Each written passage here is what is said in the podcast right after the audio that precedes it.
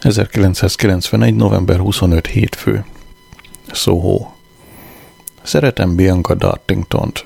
Reménytelenül, őrülten, eszementen, tébolyultan, boldogan. November 26. kedd. Még mindig itt vagyok a Soho-ban, Bianca szobájában, Brenda kávézója fölött, az Old Compton Street-en. Nem láttam a napfényt hétfő fél négy óta november 27 szerda. Vers Bianca Dartingtonhoz.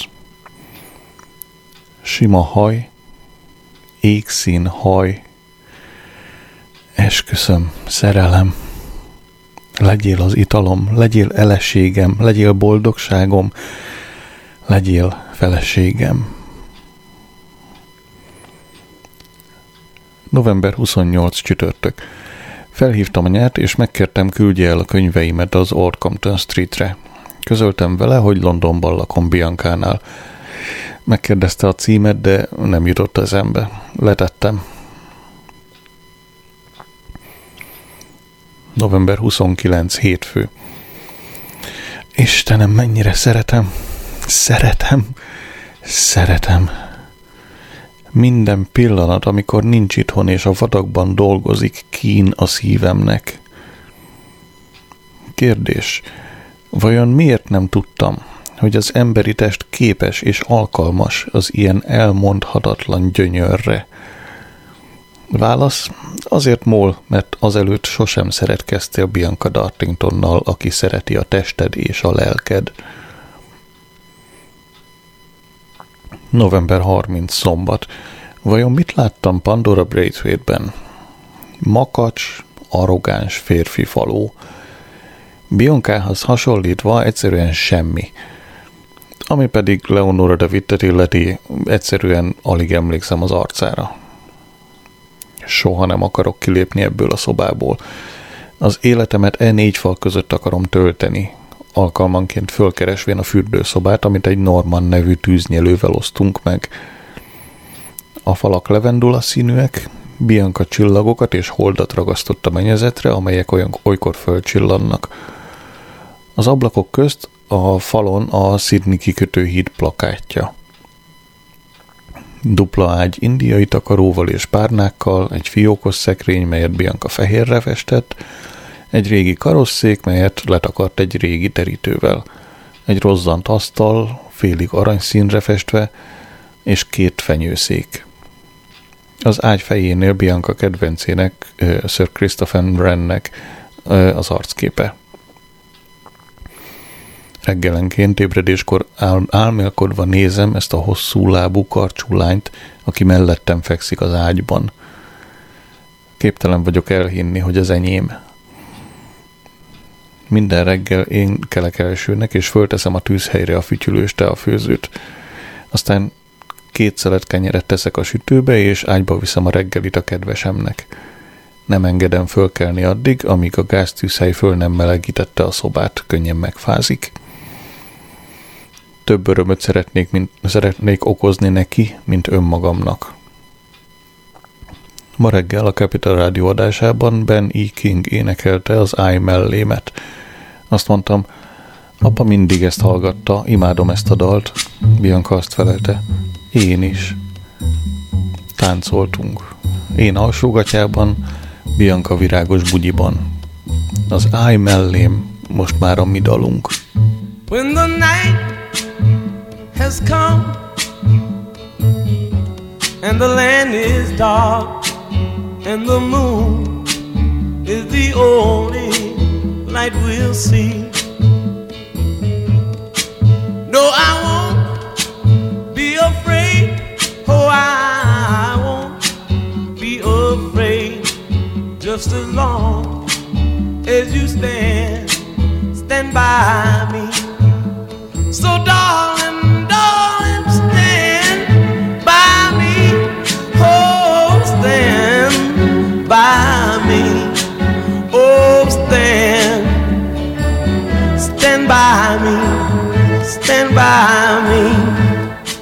December egy vasárnap. Elmentünk a National Gallery-be. Úgy sétáltunk végig a Sainsbury szárnyon, mint az összenőtt sziámi ikrek. Egy pillanatra sem tudunk elválni egymástól. A reneszánsz képek úgy ragyogtak, mint az ékszerek, és visszatükrözték szenvedélyünket.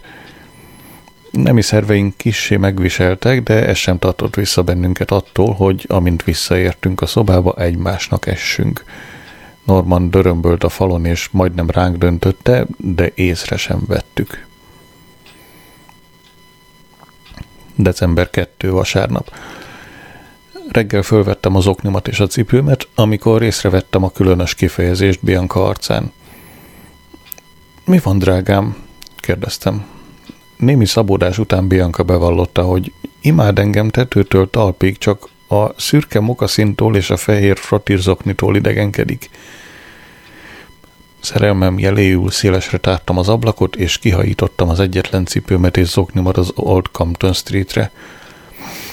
Ebből következően egész nap nem tudtam kimenni az utcára. A szerelem mezitlábas fogja lettem. Késő délután Bianca vett nekem három zoknit és egy bakancsot a balinál. Tökéletesen állt rajtam. Ez igazán komoly cipő. Amikor kö- körbesétáltam benne a szobában, felnőttnek éreztem magam. Aztán elmentem a Wardor Streetre, és kivettem 100 fontot a pénzautomatából. Ekkora összeget még sosem vettem ki egyszerre.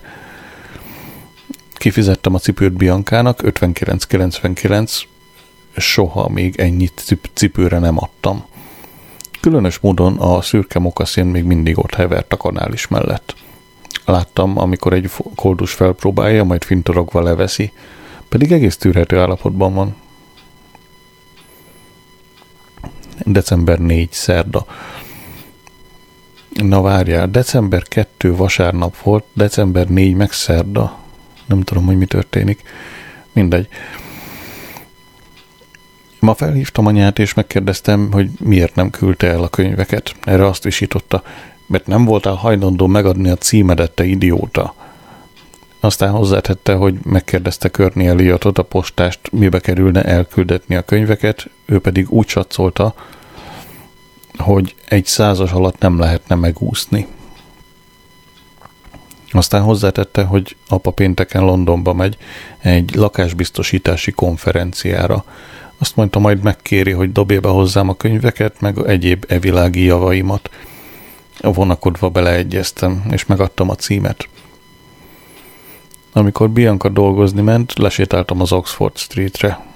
Szemétlapátot vásároltam, seprőt, egy fél tucat porrongyot, konyharuhát, folyékony ablak és padlótisztítót, meg egy pár bugyit. Bianca majd elájult, amikor háromkor visszatért, és a szoba csillogott, villogott majd elájultam, amikor felvette a sejem bugyit. December 6 péntek. Apa rossz paszban volt, amikor este ideért. A konferenciát Watfordban rendezték, úgyhogy jókora kitérőt kellett tennie, hogy házhoz szállítsa az utcaimat. Mire megtalálta az Old Compton Street-et, már fél tízre járt. A tilosban parkolt, bekapcsolta a vészvillogót. Együtt cipeltük fel a könyves dobozokat és a műanyag zsákokat a negyedikre. Amikor végeztünk, apa az ágyra rogyott, a feje tetején a kopasz folt fény lett a verítéktől. Örültem, hogy Bianca nem látja. Amikor apa magához tért, lekísértem. Mrs. Bellingham követelte, hogy észszerű időn belül legyen otthon. Apa nyilvánvalóan fél tőle. Amikor a kocsihoz mentünk, apa megállt és felüvöltött. Hát ez meg mi anyja vaja? A kocsin kerékbilincs volt. Azt hittem, a nyílt utcán sírva fakad és ideög összeomlást kap, ehelyett dürohamot kapott, és trágárságokkal üdvözölve, üvöltözve, nem, trágárságokat üvöltözve, rugdalta a sárga kerékbilincset. A nagyképű barmok, akik a szemközti járdán utcai asztalkák mellett szürcsölték a kapucsinót, igen jól szórakoztak. Felajánlottam neki, hogy elkísérem London külvárosába, ahol neki kezdhetünk a hosszú, bürokratikus procedúrának, melynek végén majd leszerelik a kerékbilincset, de aparám förmett. Tűnés vissza a hülye kis szerelmi fészkedbe. Leintett egy taxit, beugrott, és amikor a kocsi a Wardour Streetre kanyarodott, már nyilván a sofőr vállára zokogva, borulva zokogta, na még egyszer, már nyilván a sofőr vállára borulva zokogta a szerencséjét, a hálátlan fiát, a kíméletlen szeretőjét, meg a puhány ex-feleségét. December 7. szombat. Kellemes napot töltöttem azzal, hogy kategorizáltam a könyveimet, majd elrendeztem őket a bolcon, amit három régi deszkából, meg kilenc régi téglából eszkábáltam. Költség? Zéró. Az alkatrészeket a Greek Street-en találtam. Ugyanakkor találtam az utcán, na még egyszer, ez így fog menni ma úgy tűnik. Ugyanakkor találtam az utcán John Wilson könyvét, az Erkölcstant. 1970-ben adták ki, még mielőtt a BBC bevezette a mindennapi szexet a képernyőn. Úgyhogy manapság kissé idejét múlt. Bianca ebédre hazajött, és megkérdezte, nincs kedvem részmunkaidős álláshoz a vadakban. Takarítani kéne. Pénz zsebből zsebbe. Belementem. Elmentünk megnézni a temzegátat, és séta közben a jövőnkről beszélgettünk. Megesküdtünk rá, hogy gazdasági... Mi? Hogy gazdagság és hír el nem választhat bennünket egymástól. Hétfőn kezdem a mosogatást. A vadak tulajdonosának neve Peter Wad. Találó név, az biztos. Életemben nem találkoztam ilyen tankszerű űrgével. Harsányan goromba mindenkivel, a személyzettel és a vendégekkel egyaránt. A vendégek szórakoztatónak találják. A személyzet ebédidőben arról álmodozik, hogyan is fogják kinyírni. Magas, kövér pasas, arca akár a paradicsomos bélszín, úgy öltözködik, mint egy papagáj, és úgy beszél, mint Frédi a rajzfilmből. Kulturális értelemben mélyen alulmúlja saját értelme színvonalát. Nem, saját étterme színvonalát, hoppá.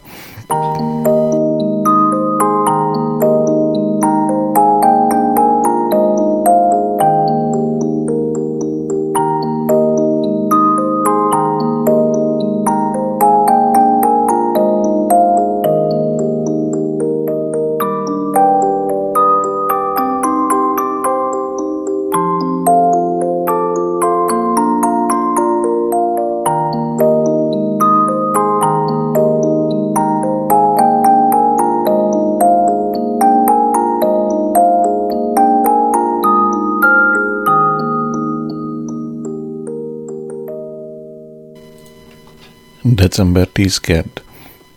Vad reggel 10-kor már vadállatian részeg volt. Déli 12-kor telehányta a jukkapálma cserepét az étterem sarkában. Egykor megjött a felesége, rendre intette, és Luigi a főpincér segítségével elvonszolta a kocsijához. Sir Ernst Gower könyvét olvasom, a hiteles szavak gyűjteményét. A 143. oldalon tartok a kliséknél – Távol álljon tőlem, hogy előre igyak a medve bőrére, de az egyszer hétszentség, hogy a stílusom mérföldes léptekkel halad majd előre. Este Bianca alaposan megijesztett, amikor rám kiabált. Adrian, kérlek, nem tudnád abba hagyni ezt az ideg őrjítő szipogást? Használj papír zsebkendőt. December 11. szerda zsíros fazekakat és serpenyőket sikálok óránként 3,90-ért, a vendégeknek 17 fontot perkálnak egy nyomvat keszegért és 18-at egy üveg borért. Ez a vadbarom nem olyan hülye, ami ennek látszik.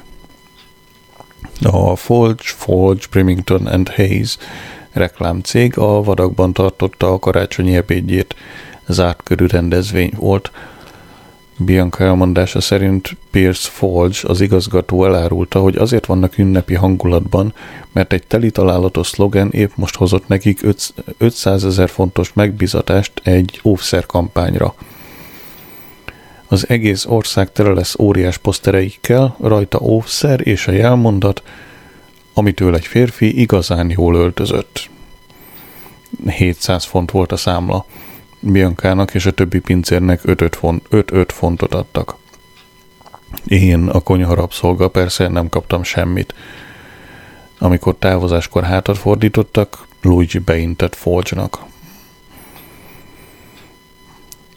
December 14 szombat, 24 órája nem szeretkeztünk. Biankának hólyaggyulladása van. December 15 vasárnap. A Charing Cross Roadon megvettem a szex gyönyörűségét. A hólyaggyulladás a könyv szerint a mézes hetek betegsége. A heves, gyakori szexuális élet okozza. Szegény Bianca 10 percenként rohangál a vécére. Miért kell mindig fizetni a gyönyörért? December 16 hétfő. Ward reggel a bíróságra ment, azzal vádolják, hogy múlt áprilisban megtámadott egy vendéget. 500 fontra büntették, és olyan kártérítésre, ami 5 évnyi fizetésemnel egyenlő. Az ügyvédje és a felesége társaságában tért vissza az étterembe, megünnepelni, hogy megúszta a börtönt, de a pesgőtől berugott, kiszúrta a negyedik csatorna néhány szerkesztőjét az egyik asztalnál, és kötekedni kezdett velük, amiért a sportműsorokban nincs elég tobogán. Bianca szerint Mrs. Wadd rászólt. Higgadj, drágám, talán egy kicsit túlzol, mire a pasas rájövöltött. Pova betett dagat tehén. Mire a nő visszaordított, mert duplán látsz, te faszkalap. Az ügyvéd megpróbált békíteni, de vad ráborította az asztalt, mire Luigi kihajította a főnökét a saját étterméből. Ami engem illet, szívesen látnám vadat a börtönben kenyéren és vízen a falhoz láncolva, míg a lábát patkányok nassolják. Egyéb iránt a börtönreform híve vagyok. December 17. Kísérletet tettünk a lehető legóvatosabb szeretkezéssel. Én voltam a passzív partner. Utána kitört az első veszekedés. Hol töltjük a karácsonyt? A szobánkban? Az ő szüleinél? Az én szüleimnél? Vagy Luigi-nál, aki meghívott bennünket a Harói házba? Nem kiabáltunk, de az biztos, hogy nem voltunk egy hullám hosszon. Este Bianca hátat fordított az ágyban. December 19 csütörtök. Összegabajodva ébredtünk, ahogyan szoktunk. A karácsonyról szó sem esett, csak szerelemről, szenvedélyről és házasságról. Richmondban töltjük a karácsonyt a szüleinél. Az apja vesz föl minket szenteste. Megspóroltam a családi ajándékokat. December 21 szombat.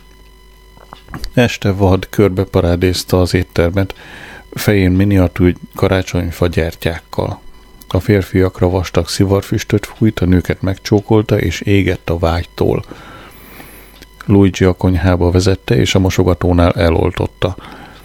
Vad elmesélte, hogy az anyja sosem szerette, és nyolc éves korában az apja megszökött egy alkoholista ápolónővel, az ifjú Vad volt nyolc éves. Összeomlott, zokogni kezdett, én pedig túlságosan belemerültem a vigasztalásba, a szakács tiszta tányérokért ordított. December 22. vasárnap. Bianca már ágyban maradt, szegény kis bogaram halára fáradt, és így nyugodtan dolgozhattam az Imol hazámnak sík hegyein. Jake végigfuttatta az ujjait a lány hátán.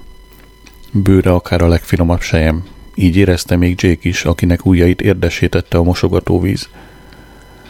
A lány felsóhajtott és összegömbölyödött a lepedőn. Ne hagyd abba, Jake, csattant a hangja akár az ostor. Ne hagyd abba, soha, soha, soha. December 24, Szenteste. Jaked, Szenteste. Ma alászálltam az őrjöngő tömegek közé, és megvásároltam Bianca karácsonyi ajándékát. Miután két órán át tülekedtem az utcán, a fehér nemű boltban kötöttem ki, és vettem neki egy bordó badit, piros bugyit és fekete sejemmel tartót. Amikor az eladó a méret után érdeklődött, azt feleltem, nem Rubens, de nem is Naomi Campbell.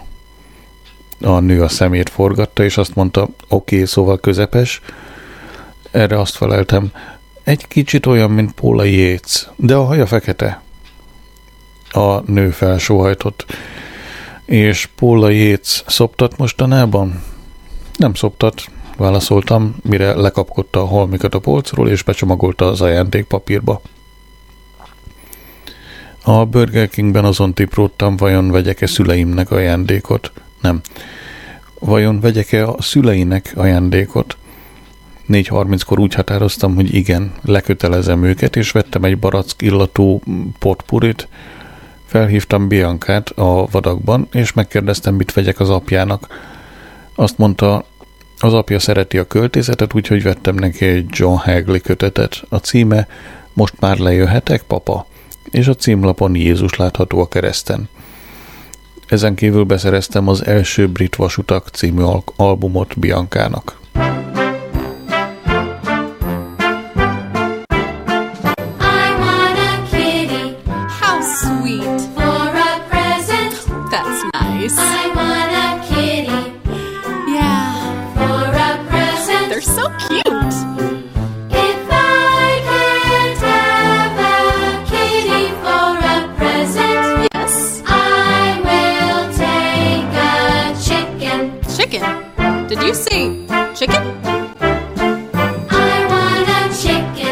like the barnyard animal?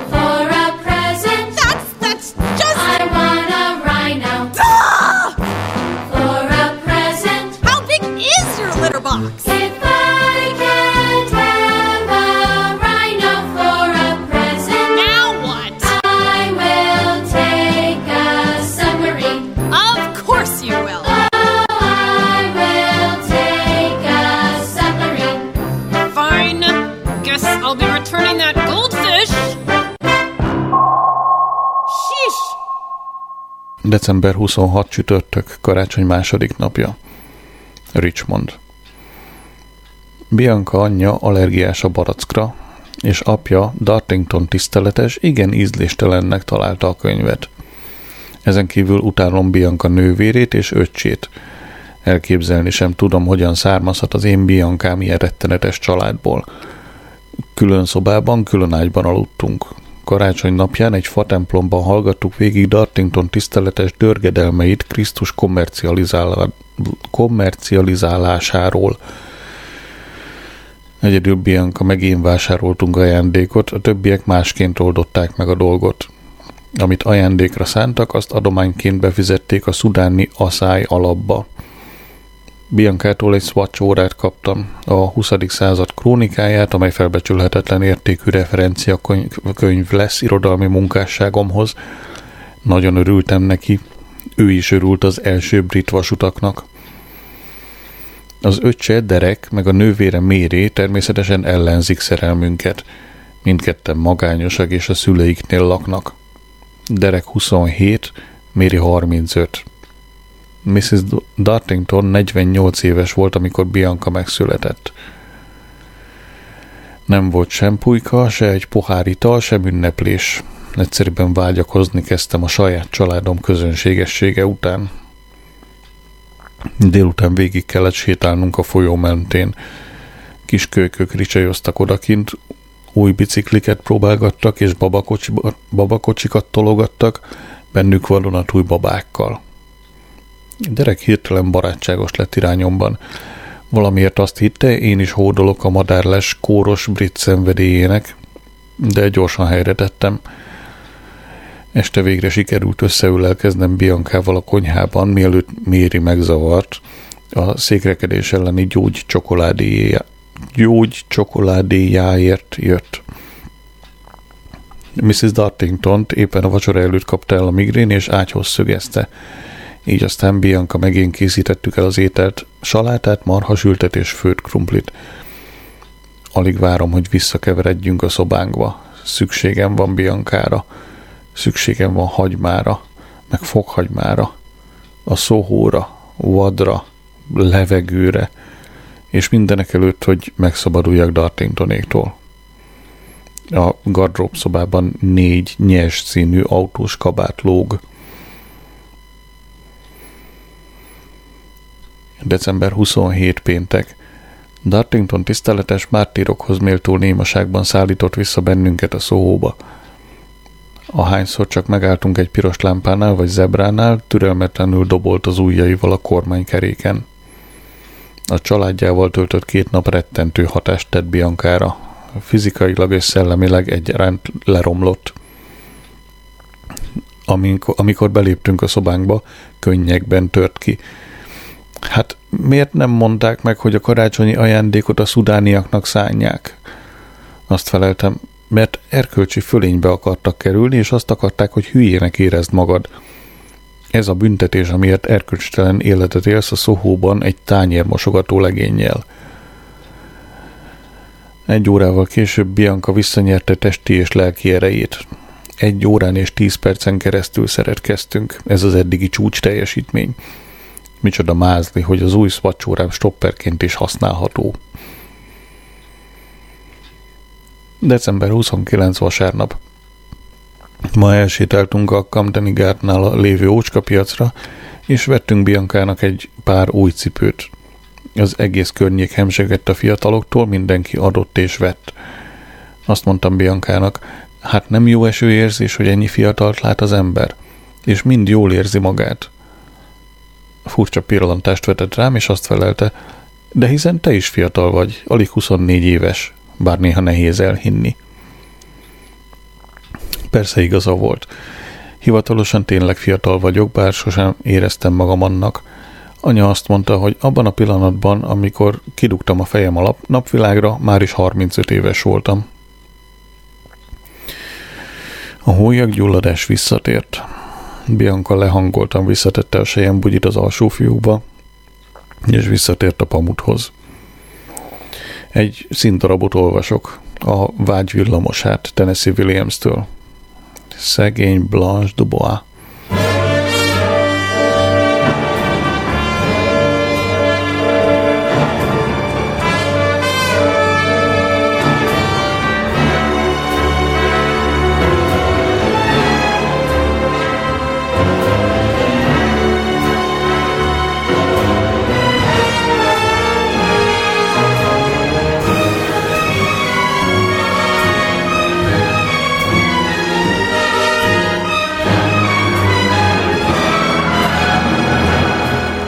1992. január 1 szerda.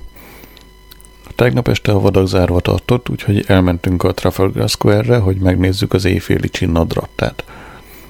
A tömeg akár egy részeg gabona mező, mely ittasan hullámzik a viharban. Vagy két órán át azt sem tudtam, merre járok, csak sodrúttam a tömegben. Rémítő és ugyanakkor felszabadító volt, hogy hirtelenjében a St. Martin's Lane-en találtam magam a konga táncosok között – Sajnos az előttem táncolónak hihetetlenül nagy segge volt, nem volt valami szívderítő látvány. Amikor a Big Ben 12 ütött, azon kaptam magam, hogy idegenekkel, köztük külföldiekkel ölelkezem és csókolózom. Megpróbáltam valahogy oda keveredni Biancához, de egy csoport extatikus ausztrál vette körül, egytől egyik két méteresek. Végül január 1-én 12.03-kor megcsokoltuk egymást, és örök hűséget esküdtünk. El sem hiszem, hogy ilyen csodálatos nőt vetett utamban a sor, utamba a sors. Miért szeret? Rettegek, hogy egy nap majd fölébred, és ugyanezt kérdezi magától. Ma elmentünk a Tower Bridge-hez. Engem hidegen hagyott, de Biancát rabulejtette a szerkezet szépsége. Szinte el kellett vonszolnom onnan. Január 2 csütörtök. Hajnali fél négykor keltem, és beálltam a sorba a Next előtt az Oxford Street-en. A kiárusítás kilenckor kezdődött. Beszélgetésbe elegyedtem egy vásárlóval, aki egy dupla soros tengerész öltöny szúrt ki magának, amit 225-ről 90 fontra áraztak le. Jövő szombaton nősül egy bizonyos Melanie nevű ejtőernyő szabónőt vesz el. Az új fekete bőrcsekingben, fehér trikómban és farmeremben épp úgy festek, mint minden fiatal ember, fiatal ember New Yorktól Tokióig, és Lesterig, hogy ki ne felejtsem, lévén a Next Birodalom központja mégiscsak Lester. Mert, hogy mondja Csaba, az a terület Leicester Northampton, Coventry, az, az a rész, ami az országnak a logisztikai központja, minden normális cégnek van ott nagy raktára, országos raktára, ilyen disztribúciós központja, vagy hogy hívják ezt, meg tele van ugye logisztikai cégekkel. No, menjünk tovább. Bianca meg akarta ma nézni a Battersea hőerőművet, és megkért, hogy kísérjem el, de azt feleltem, hogy az Imhol forradalmi változtatások előtt áll, és most a 22. fejezeten kell dolgoznom. Egy szó nélkül távozott, de a hátáról sugárzott a harag. Jake felhajtotta a Next Jackie gallérját, hogy védekezzék a temzéről süvöltő kegyetlen szél ellen. Lepillantott az apadó vízre. Itt az ideje, hogy kezdjen valamit az életével, és ne csupán a szudáni éhínség segélyakciójával törődjön. Tudga, tudja, mit kell tennie, úristen, de milyen pontosan tudta. Hiába került, kerülgette, a belső kényszer sarokba szorította, meg kell tennie. Regényt kell írnia. január 8. szerda. Ma este Bush elnök Tokióban egy hivatalos fogadáson lehányta a japán nagykövetet. A vadakban néztük az eseményt, a konyhában egy hordozható tévén. Mrs. Bush megbökötte a férjét az asztal alatt, aztán távoztak. Mr. Bush nem látszott valami derűsnek. A tévéhíradó lassítva tálalta az eseményt, gyomorforgató volt. A japánok megbénultak a döbbenettől, oda vannak a protokollért. Ward elcsábította a kis Carlost. Nem, nem elcsábította, bocsánat, na még egyszer. Ward elbocsátotta a kis Carlost, mert marihuánát szívott az étterem hátsó udvarán. Ezt követően megivott egy fél üveg brandit, három üveg vermutot, különféle italokat lopkodott a vendégek asztaláról, végül megvádolta a lyukapálmát a bárpultnál, hogy viszonya van a feleségével, és kíméletlenül elverte cserepestől ha, ha egyszer az alkohol rossz gyomorba kerül, hihetetlen dolgokra képes. Január 5 szerda, nem, január 15 szerda. Jake az Amstrad számítógép előtt ült, és a gombokat nyomkodta. A képernyőn felvillant regényének címe a Kronki Sparg. Első fejezet, Sparg visszatér. Sparg a domtetőn állt, és lenézett szülőhelyére, Kronkra. Feleségére, Buffra vakkantott, az pedig visszavakkantott rá, mivel a szavakat még nem fedezték fel. Leszaladtak a hegyoldalon. Sparg anyja, Krun, a fiát meg a feleségét figyelte, amint a tűz felé futnak. Oda vakkantott Sparg apjának, Luntnak, és a férfi megállt a kunyhó ajtajában. A szeme összeszűkült, utálta Spargot. Krun gyökereket hajított a tűzre, nem várt vendégeket ebédre.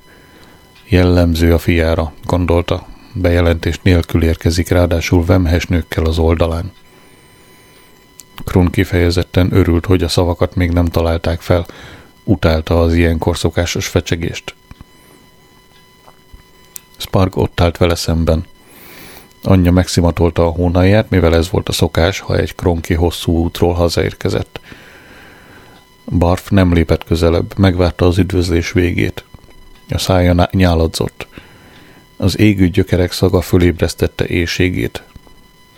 Mivel a szavakat még nem találták föl, anya és fia nem szolgáltak egymásnak hírekkel. Jake elégedett, elégedett sóhajjal nézte a képernyőt. Nagyon jó, gondolta, átkozott jó. Itt az idő az újabb párbeszéd nélküli kőkorszaki regényhez. I'm sure you've heard the Stone Age occurred for two and a half million years. But there's more of Stone Age to engage than maybe it first appears. Dinosaurs, Neanderthals, let's make this clearer. Didn't live together, came from different eras. That's not all I can tell you, so much more to be known about the many faces in the ages of stone. Shooby dooby doo wop, it's all the rage. To skiddly bop do I brush up on your stone age. Oh yeah, alright. It's fine to define an era Paleolithic, but you're gonna have to be a little more specific. Do you mean lower, when ancient beings first used tools? Or middle Paleolithic, when Neanderthal ruled? That's when Homo sapiens starts to emerge. But just in Africa, it's long before the global surge. Not till Upper Paleolithic, 40,000 years ago, did Neanderthal and Homo sapiens say hello. Neanderthal and Homo sapien, living in caveman harmony. Language was invented, cave painting art. Then Paleolithic ended, which meant the start of phase two. Be do dooby doo up, turn a new page. Skibbly bop doo ah, mug up on the Stone Age. Oh yeah, alright. This is where it starts to get all scientific. Followed by the era Mesolithic. Then Neanderthals are wiped out by the Ice Age horrific. After which the Neolithic Age was terrific. Man learned to farm, built homes so they could settle. Then some other folks turned up and they discovered metal. Beaker men from Europe had found bronze and outgrown the simple and traditional ways of stone. Bronze Age was invented, by now man was flying. Cause hot on its heels came the age of iron. Celts, Druids, religion, then Rome. Now a distant memory, those ages of stone. Shooby dooby doo wop since that metallic stage. Skiddly bop doo wah, there was no more Stone Age. Shooby dooby doo wop, now you know what is known about the many phases of the ages of stone. Yeah!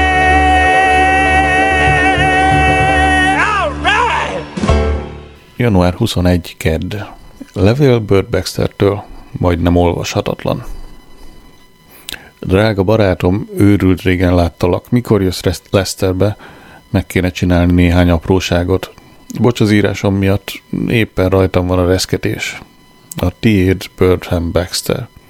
Utóirat, hozd el a körömvágó készletet. Este komoly veszekedés Biancával. Azzal vádolt, hogy A. Sosem akarok elmenni vele. B. Állandóan olvasok. C. Állandóan írok. D. Nem érdekel az angol ipar múltja. E. Fingok az ágyban. Január 27 hétfő. Amikor végre kibékültünk, elmentünk a filmintézetbe, és megnéztünk egy filmet a japán nőről, egy japán nőről, aki levágja a szeretője hímveszőjét. Ettől kezdve keresztbetett lábbal ültem az előadás végéig, és olykor idegesen Biancára pillantottam, aki le nem vette a szemét a vászorról, és mosolygott. A hajam majdnem olyan hosszú, hogy össze lehet fogni. Az Arc című, című szaklap szerint a lófarok már passzé, de lehet, hogy ez az utolsó esélyem, hogy kipróbáljam. Nem hagyom ki. Wad azzal dicsekszik, hogy már öt, ő már öt éve növeszti. Bianca vette egy használt elektromos írógépet és legépeli az imholt. Már át is adott 78 gyönyörűen gépelt lapot. Egyszerűen hihetetlen, mekkorát javul egy regény, legény, nem egy legény, egyszerűen hihetetlen, hogy mekkorát javul egy reg, regény, ha legépelik. Már évekkel ezelőtt meg kellett volna fogadnom John Tidyman tanácsát. Január 29. szerda. Angliában 50%-kal növekedett a heteroszexuális écesek száma. Reggel elmondtam a hírt Biancának, amikor a vadakba mentünk.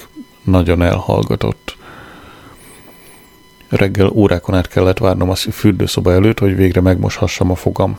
Végül Norman jött ki, és elnézést kért a tükör keretén található új égés nyomok miatt. Pedig ezerszer megkértem, hogy ne a fürdőszobában gyakorolja a tűznyelést. Amikor visszaértem a szobába, Bianca éppen egy szórólapot olvasott, amelyet a Terence Higgins alapítvány bocsátott ki. Na és mit csinál az a Terence Higgins, amikor éppen nem szórólapokat szór? Kérdeztem könnyedén. Már semmit, felelte Bianca lágyan. Meghalt. A szórólap az écről szólt. Bianca megtörtem bevallotta, hogy 1990-ben viszonya volt egy Brian Boxer nevű emberrel, aki cserében bevallotta, hogy 1979-ben viszonya volt egy Diane Tripp nevű biszexuális nővel. Reggel felhívom a Terence Higgins alapítvány segélyvonalát és segítséget kérek. Február 1 szombat. Az Imhol hazámnak síkhegyei első 22 fejezete egy 197 oldalas kézirat halommá vált. Azon kapom magam, hogy magamhoz ölelem és fel alá járkálok vele a szobában. Nem tudom lefénymásoltatni egy oldal tíz penny. Kit ismerek Londonban, aki szabadon hozzáfér egy fénymásolóhoz? London Old Campton Street, Brenda kávézója, hatodik lakás. Kedves John, megfogadtam tanácsát, és átírtam az Imhol hazámnak sík hegyeit.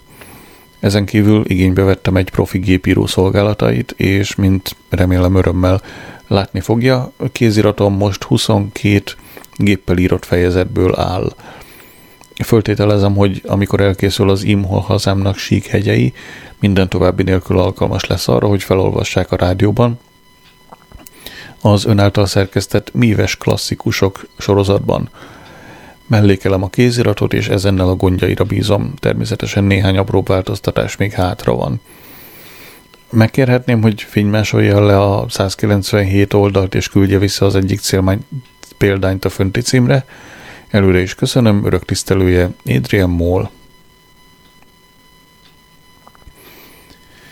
Február 4 kedd. Reggel elsétáltam a BBC épületéhez. Míg a nagy fém ajtóval küzdöttem, autogramvadászok hada rohant felém, és már éppen elő akartam horgászni a filctollamat a jackimből, ám mielőtt kézbe vehettem volna, a tömeg körülvette Ellen freeman az öreg bizsjakét. Átverekedtem magam köztük, és a komor biztonságiak tekintetétől kísérve beléptem a BBC kihalt haljába. Oda léptem a recepcióhoz, és beálltam a sorba. Négy percen belül egy rakás hírességgel futottam össze. Ott volt Dilla Smith, Robert Robinson, Ian Hislop, Bob Gelford, Geldof, Annie Lennox, Roy Hattersley, stb. stb. A legtöbbjüket fiatal nők kísérték, és majdnem mindnek Caroline volt a neve. Végül egy szűke portás nő így szólt. Segíthetek? Én pedig azt feleltem, igen, szeretném, ha Mr. John Tideman minél hamarabb megkapná ezt a csomagot, sürgős. Írt valamit a borítékra, majd a csomagot egy drótkosárba hajította. Megköszöntem, hátat fordítottam, és beleütköztem Viktor Meldruba, aki a fél lábbal a sírban főszerepét játszotta. Bocsánatot kértem, ő meg azt mondta, semmiség. Sokkal magasabb, mint ami ennek a tévében látszik. Amikor hazaértem, elmondtam Biancának, milyen jót dumáltam Viktor Meldrúval. Azt hiszem, nagyon imponált neki.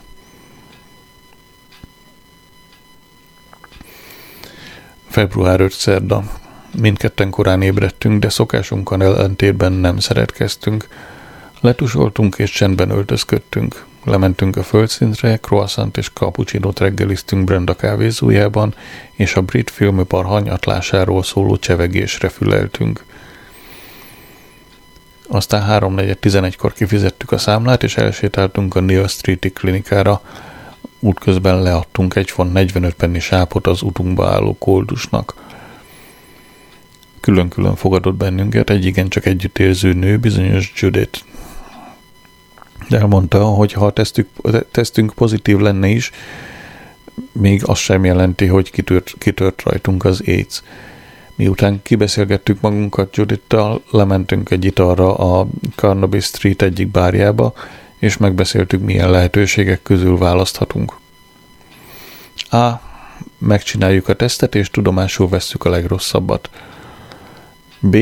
Nem csináltatjuk meg a tesztet, és rettegünk a legrosszabbtól. Úgy döntöttünk, alszunk rá egyet. Február 6 csütörtök. Mindketten úgy döntöttük, hogy megcsináltatjuk a tesztet, aztán ápoljuk egymást halálunkig. Jöjjön, aminek jönnie kell. Február 8 szombat.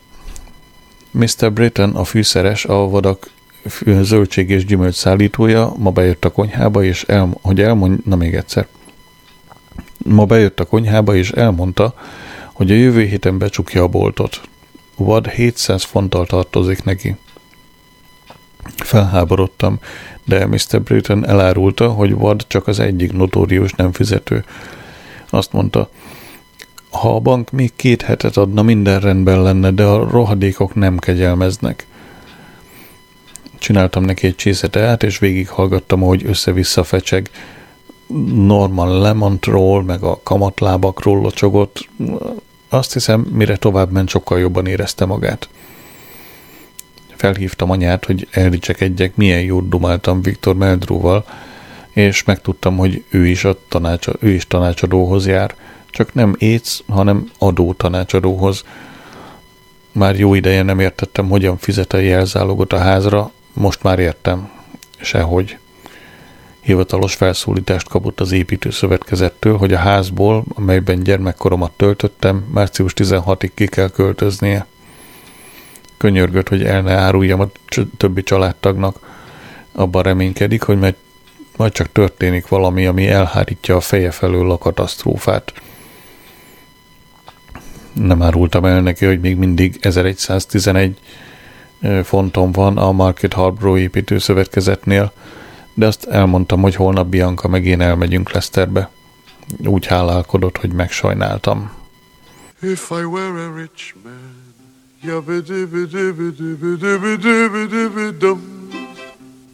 All day long I biddy biddy bum. If I were a wealthy man, I wouldn't have to work hard.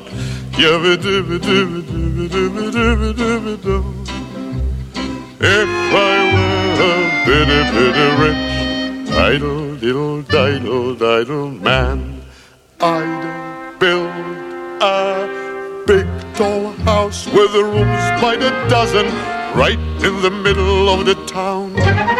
A fine tin roof with the real wooden floors below. There would be one long staircase just going up, and one even longer coming down, and one more leading nowhere just for show. I'd fill my yard with chicks and turkeys and geese and ducks for the town to see and hear, squawking just as noisily as they can. And each lump will land like a trumpet on the ear, as if to say, Here lives a wealthy man.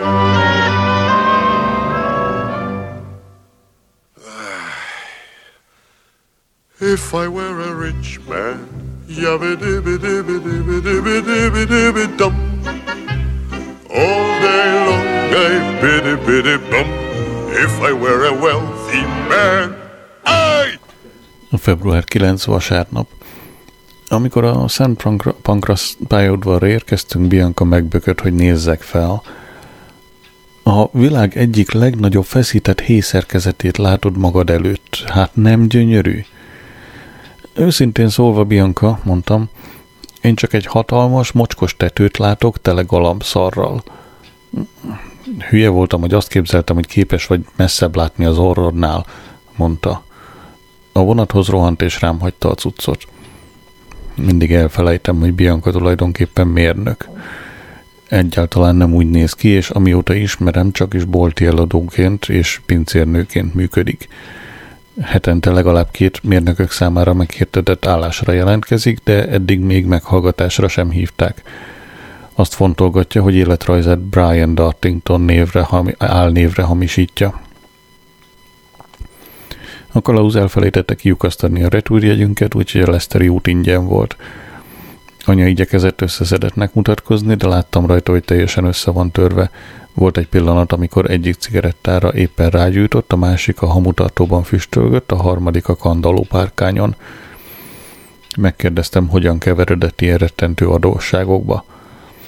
Azt mondta, Martinnak szüksége volt a pénzre, hogy befejezhesse a tanfolyamot. Kölcsönkértem egy banktól 1000 fontot 24,7%-os kamatra. Két héttel később elvesztettem az állásomat az őrzővédő cégnél. Valaki befújta, hogy 48 éves vagyok. Megkértem, hogy mutassa meg a papírokat, pontosan mennyi adóssága van. Előhozott egy kazal tiri, tiritarka számlát. Erre rászóltam Mondja csak Mafit szemébe, hogy valójában hogyan is állnak anyagilag, erre már-már hisztérikusan csattant fel. Nem, nem, neki be kell fejezni a mérnöki tanulmányait. Ezek szerint mérnökök vesznek körül. Bianca közölte anyámmal, hogy ő is egyetemet végzett mérnök. Szellemesen megjegyeztem, de azóta, hogy befejezte az egyetemet, csak legótornyot épített, a legnagyobb meglepetésemre Bianca komolyan vette az ártatlan viccet, és könnyek között kirohant a szobából. Anya rám förmet, érzéktelen bunkó. És Bianca után sietett a kertbe.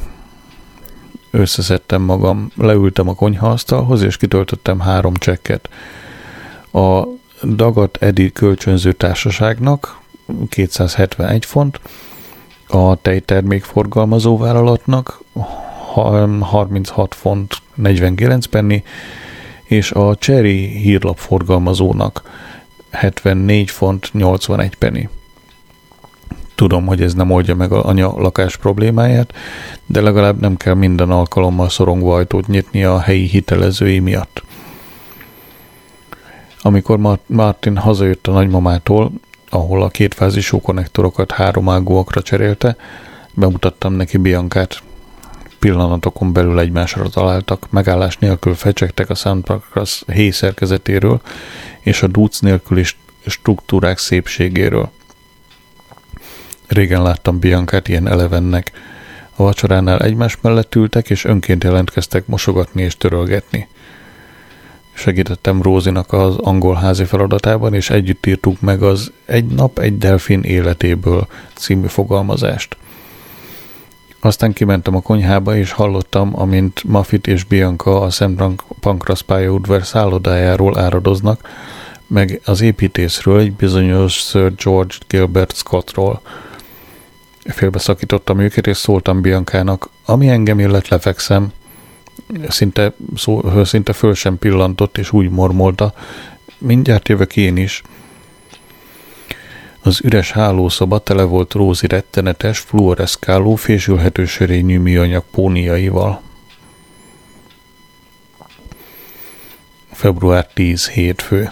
Fogalmam sincs, hogy Bianca mikor jött lefeküdni. Úgy kúszott mellém az ágyba, hogy föl sem ébredtem. Csak az annyi világos, hogy anya és Mafet nem beszélnek egymással, én meg nyomorúságos állapotban vagyok. Éjjel fél tizenkettő.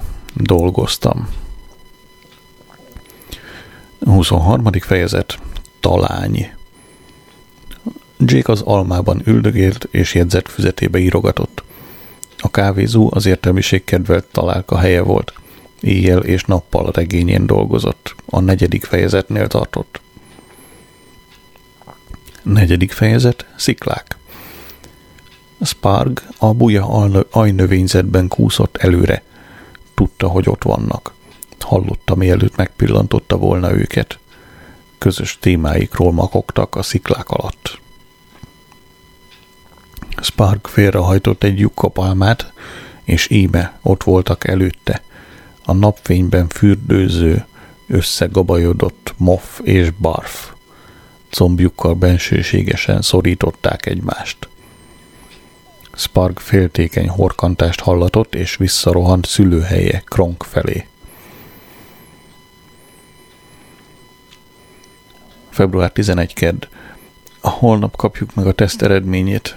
Most vergődnöm kellene, a halára kellene gondolnom, stb. De csak arra tudok gondolni, ahogy a Muffet Biancára nézett, Bianca pedig Muffetra. amikor elköszöntek egymástól hétfő reggel a Leszteri állomáson. There, however, temer.